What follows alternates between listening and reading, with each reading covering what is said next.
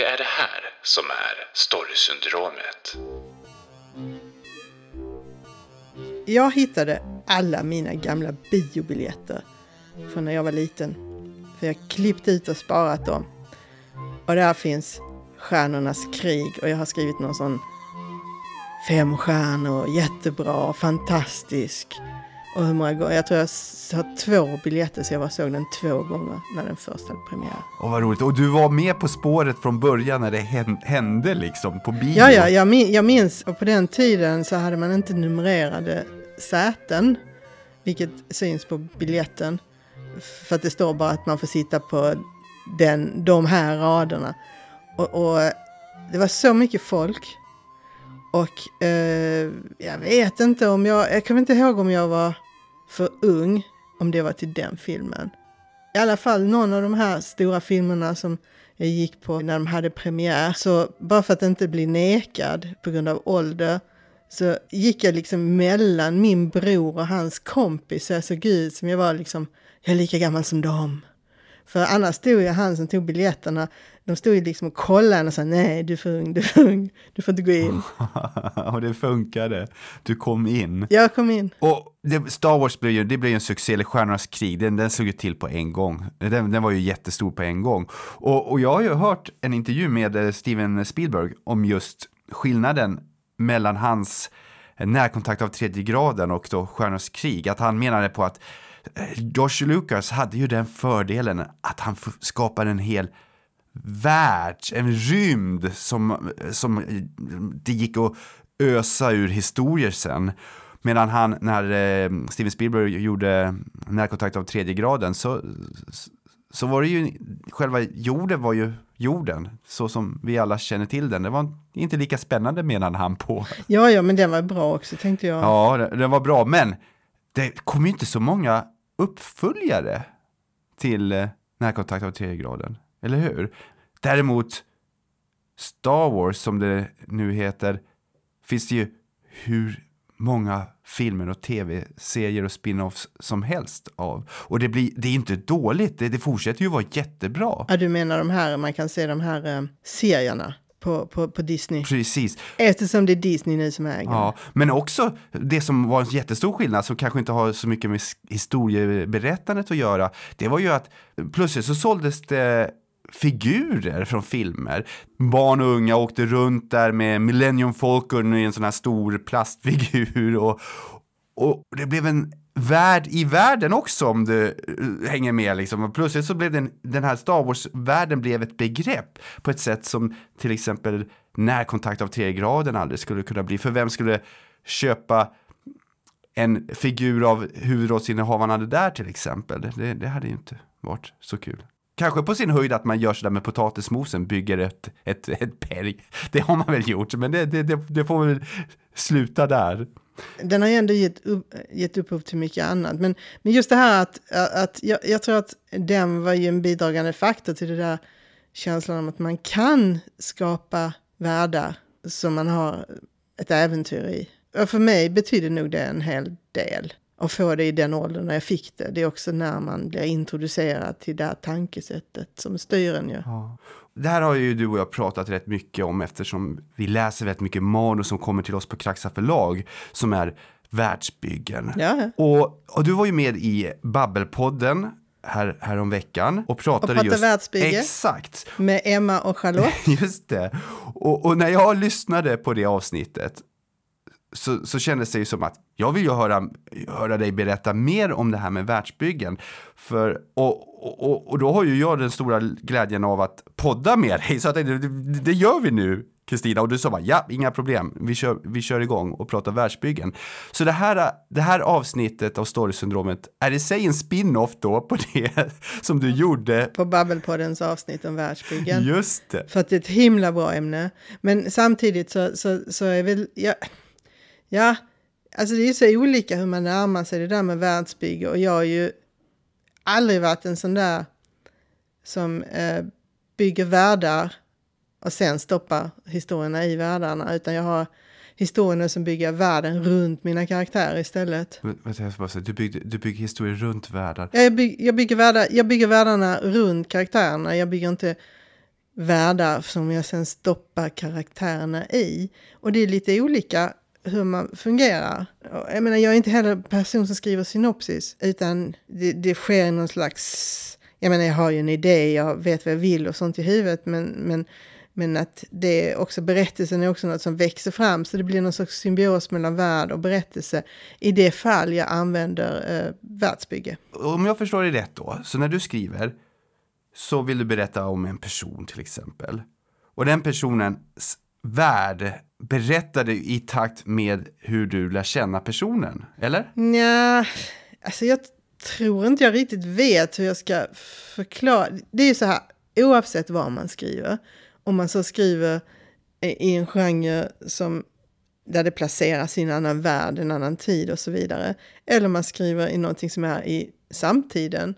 Så måste man ha någon sorts världsbygge runt karaktärerna mer eller mindre. Alltså man kan göra jättemycket som i Stjärnornas krig. Man kan ha mindre som Spielberg menar att han hade i, i, i eh, Närkontakt av tredje graden. Men, men man måste ju ändå ha ett världsbygge där karaktären rör ju sig på något sätt i en värld.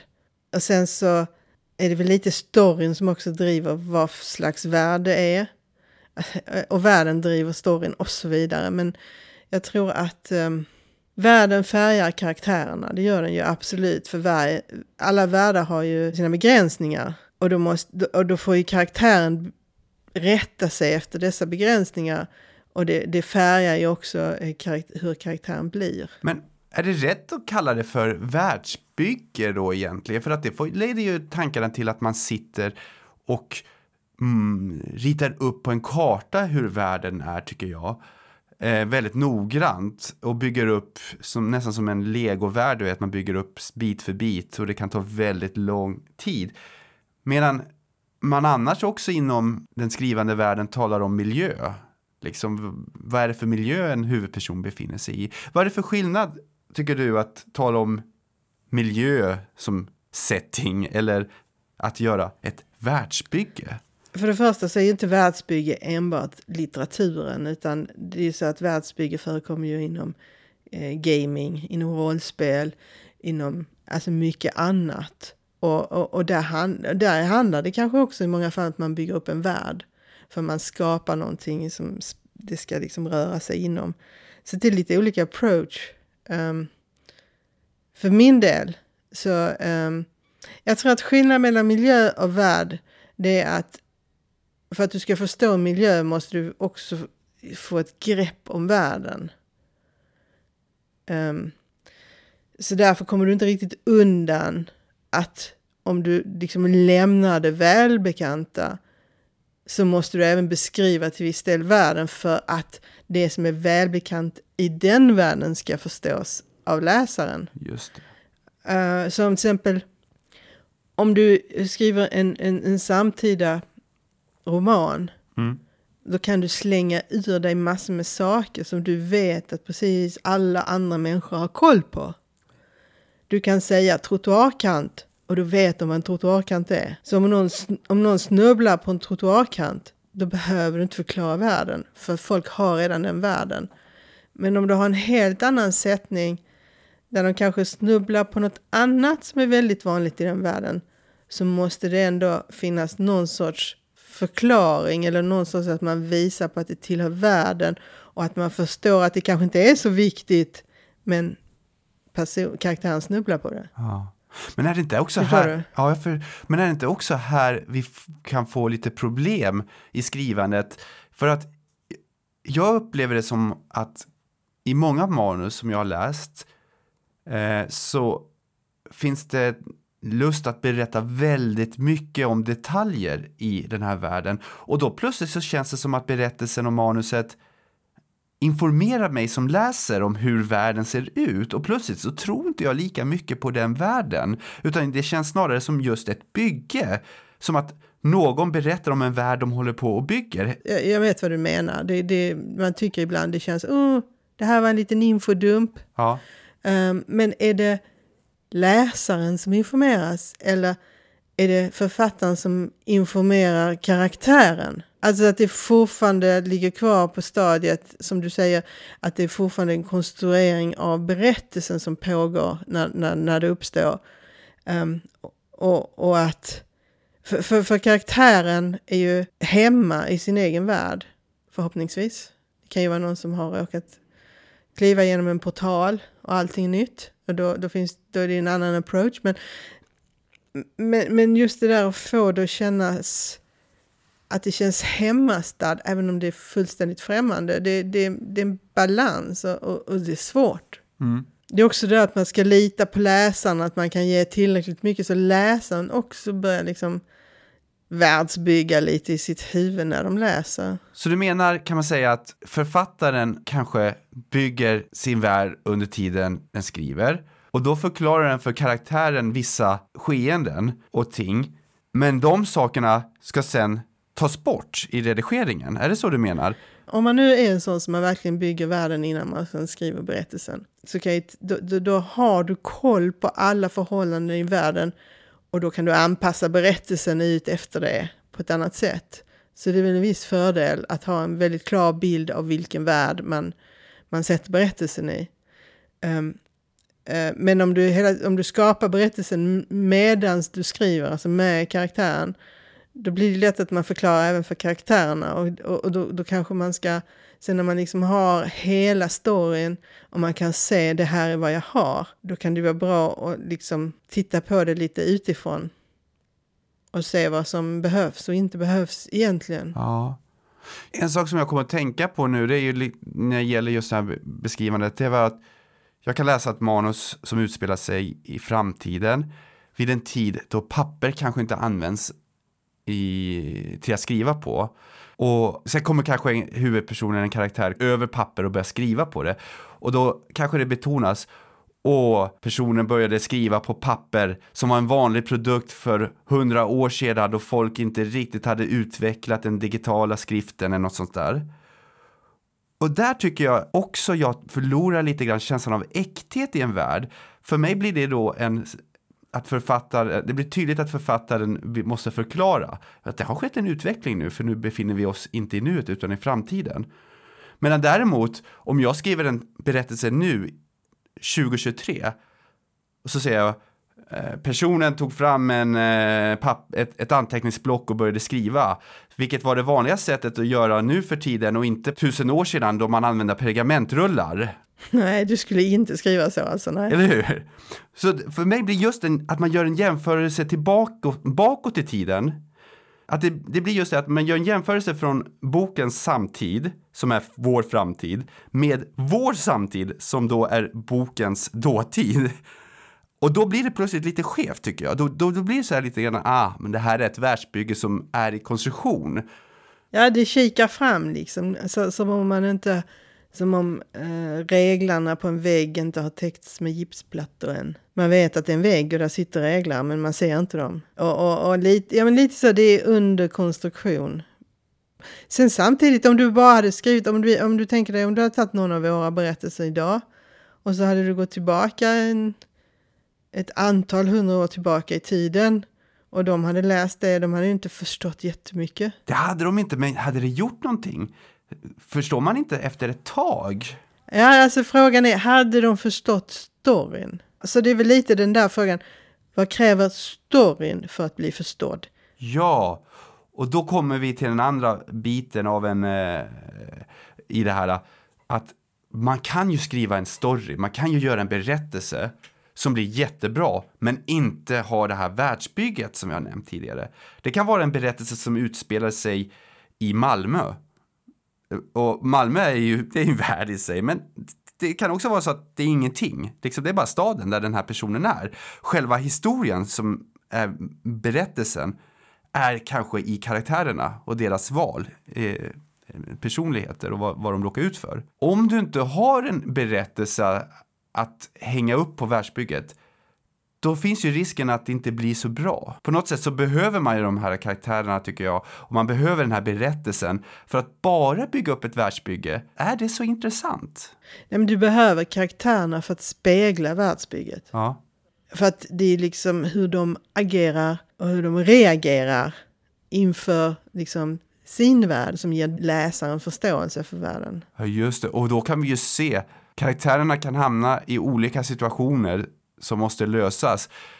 Miljöerna kan vara unika för mig i min tid, men hur, de, hur personerna reagerar på de här situationerna, det är egentligen evigt. Ja, jo, alltså det är det vi känner igen. Och det är väl lite så, nu, nu tycker vi om vi läser skrifter och sånt som var skrivet för väldigt, väldigt länge sedan, när världen såg helt annorlunda ut, så är det ju själva storyn, eller berättelserna, som är det som har gjort att den lever kvar, berättelsen. Så det måste vara ungefär samma där. Jag tror att man, man men, men, samtidigt så är det också, det är också den där balansen för att det är ju så att folk gillar ju att läsa om dessa olika världsbyggen. De vill också ha det. De vill liksom se det framför sig när de läser. De vill känna vad det är och liksom riktigt så. Och det vet jag, som när jag skrev min trilogi och sånt där, då kunde jag se att ibland var kommentarer, man kunde få mer om hur det såg ut och sånt där. För jag kanske var sparsam, men jag har ju skrivit något alternativt samtid där vissa saker är annorlunda. Där, där liksom, jag har stoppat in lite fler tunnelbanelinjer i Stockholm.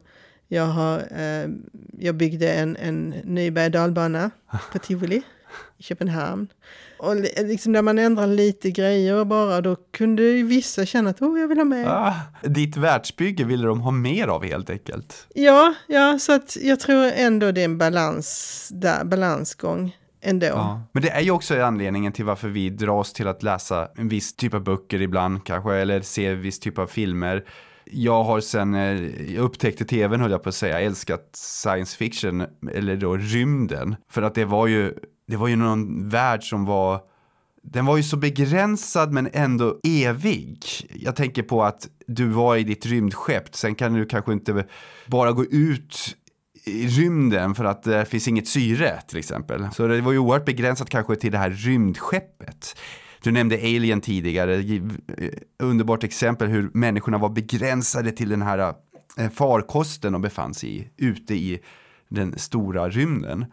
Och plötsligt så så blev allting så förtätat. Alla reaktioner, det fanns inga utvägar, utan människorna i dramat var tvungna att verkligen konfrontera hotet på ett sätt som man kanske inte hade behövt göra på en större plats. Då kan man fly kanske, i ett rymdskepp kan man inte fly. Men är det inte lite, om du tänker på alltså även andra genrer än just, just science fiction eller för all del fantasy, det är att du du begränsar världen. Om du har en vilda västern så är den väldigt begränsad. Den lyder under väldigt speciella regler. Hur vi uppfattar vilda västern, om det sen är sant eller inte, det, det, det kan vi inte... Deckare också, deckare speciellt, de, har, de är jättebegränsade i deras världar. Just det. Ja, det är världsbyggen också, det här med liksom polisstationen, folket som är där, den återkommande detektiven. Tänk dig hur många filmer man har sett som utspelar sig i öknen i, i vilda västern. I alla fall jag har gjort det. Men de är, jag de, också, jag är, jag, är, jag är lite förtjust i sådana filmer. Du också, jag, jag älskar västern äh, faktiskt. Och, och, och, och, och, när du säger det, alltså det är ju väldigt, det, är, det här är inte unikt egentligen, men eh, vilda västern och science fiction har ju väldigt mycket likheter. Alltså jag kan ju säga det, min, min debut Alba, och det är så himla länge sedan jag skrev den. Men eh, den är ju egentligen en, en vilda västern. Det är det? Alltså jag hade ju vilda västern i huvudet när jag skrev den. Ha. För jag hade ju en period när jag var liten när jag bara läste vilda västernböcker. Där har du ju ändå plockat delar ur, ur en värld då som vi faktiskt känner till genom berättelser. Från Lucky Luke till eh, verkligheten Sitting Bull som vi har läst om kanske och Buffalo Bill till, till Clint Eastwoods alla eh, gestalter. Och då har vi som läsare med oss den världen. Ja, kanske. Till viss del är det nog så. Och, och alla mina romaner har varit ett himla eh, letande efter miljöer, om man väl ska säga det. Eh, och inte bara världsbyggen, utan även de miljöer och eh, mycket av naturen tog jag från, från Österlen. När djungeln blommar på Österlen. Så, så om man utgår från sådana saker och skriver in det i sina världar, då kanske man slår an strängar som folk känner igen, även om man inte kan sätta fingret på det. Ja. Och vi är alla ganska mycket likadana människor Så att om man, om man liksom gräver djupt inom sig själv så, så, så, så når man sånt som även andra gör. Så med andra ord behöver man inte uppfinna hjulet på nytt när man skapar sina världsbyggen. Utan man, man använder det läsaren känner till egentligen via fiktion till exempel eller andra bilder som Österlen. Men hur tror du, hur tror du det är? Tror du att, ja, som du säger, läsarna hade en, en, en bild av hur det är som de har fått genom då, som du säger, tidningar och annat sånt där. Och vad man hört och vad man tror. Och sen lägger du fram en annan bild. Tror du inte de på något sätt ändå lägger på sin bild ovanpå din så det blir liksom, de i sin tur skapar liksom en, en tredje version av det? Jo, men så är det nog. Eh, det, det är sant. Men jag tänker ändå tillbaka när jag skrev om Jehovas vittnen. För där har jag där har ju jag en bild, eftersom jag växte upp eh, i den miljön, så har jag en bild av hur det är att växa upp i en religion som Jehovas vittnen. Och den, jag vet, minns att jag hela tiden var tvungen att bråka med mig själv hur jag skulle presentera den miljön. För jag visste att läsarna har ju också en bild av Jehovas vittnen och den kristna fundamentalistiska, eller vad vi ska kalla det för, den lite mer hårdragna religiösa eh, organisationens miljö. De har en bild i huvudet vad det innebär. Ska jag på något sätt samarbeta med den bilden för att få fram det jag vill säga? Eller ska jag skapa en miljö som var exakt så som jag kommer ihåg och upplevde miljön?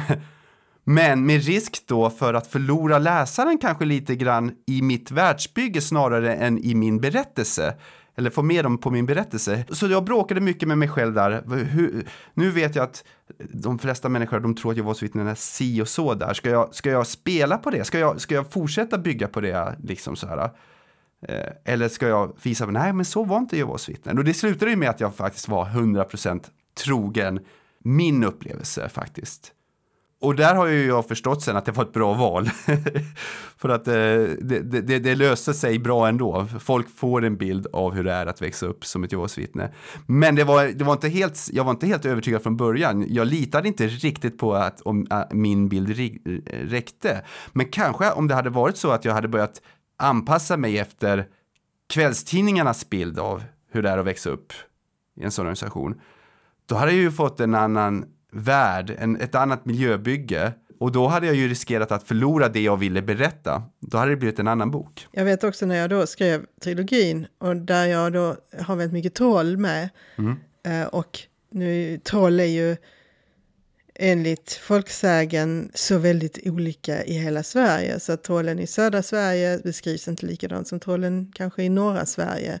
Eller i, i, i öster eller väster. Alla har liksom sina egna troll hur de ser ut och hur de gör och sådär. Så att i södra Sverige så ser trollen ut som vi. De är svåra att se att de är troll för de gömmer svansen.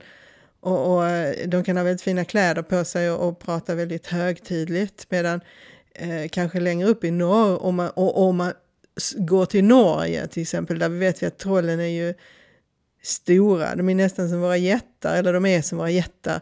Men i allt de här eh, Trollhunter och allting sånt så har vi sett norska troll, inte som svenska troll, i alla fall inte som här nere i Skåne. Uh, och, och då försökte jag komma fram till någon sorts lösning där jag liksom inbegrep flera olika syner på troll.